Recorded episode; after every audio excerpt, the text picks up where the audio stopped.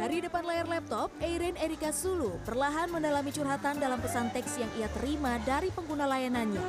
Perempuan asal Bandung ini bahkan kerap menjadi teman nangis saat orang curhat kepadanya. Bermula saat Erin menerima banyak curhatan dari orang tak dikenal ke akun media sosialnya dua tahun lalu. Kini, ia menangani sendiri curhat online dibantu dengan psikolog dan helper sarjana psikologi.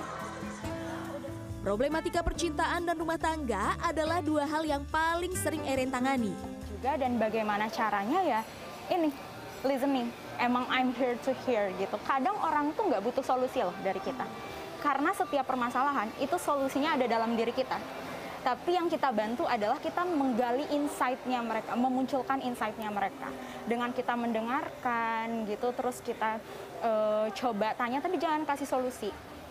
Iya, kita coba tanya eh, kira-kira kalau kamu begini efeknya apa? Begitu ya seperti itu. Terus akhirnya ntar mereka muncul insight sendiri. Oh iya ya kak harusnya kan aku begini begini begini.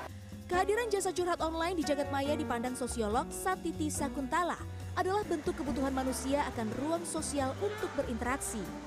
Jadi untuk kita uh, lakukan curhat online itu uh, alasannya bisa beragam, bukan semata-mata. Mungkin salah satunya bisa karena ada ikatan emosional yang uh, rendah antara orang tua dan anak misalnya, karena orang tua sekarang sibuk bekerja untuk memenuhi kebutuhan hidup yang semakin kompleks. Bisa juga orang itu ada kecenderungan mereka melakukan curhat online untuk mendapatkan jawaban yang respon yang cepat gitu dan juga uh, bukan hanya cepat tapi juga komunal banyak dari ber, ber, berbagai uh, sudut pandang dari ber, dari banyak orang. Bak sebuah bahu untuk bersandar. Curhat online bisa menjadi wadah meluapkan perasaan demi kondisi mental yang lebih sehat. Indrayani Laksmi, Muhammad Wahyudi, Jakarta.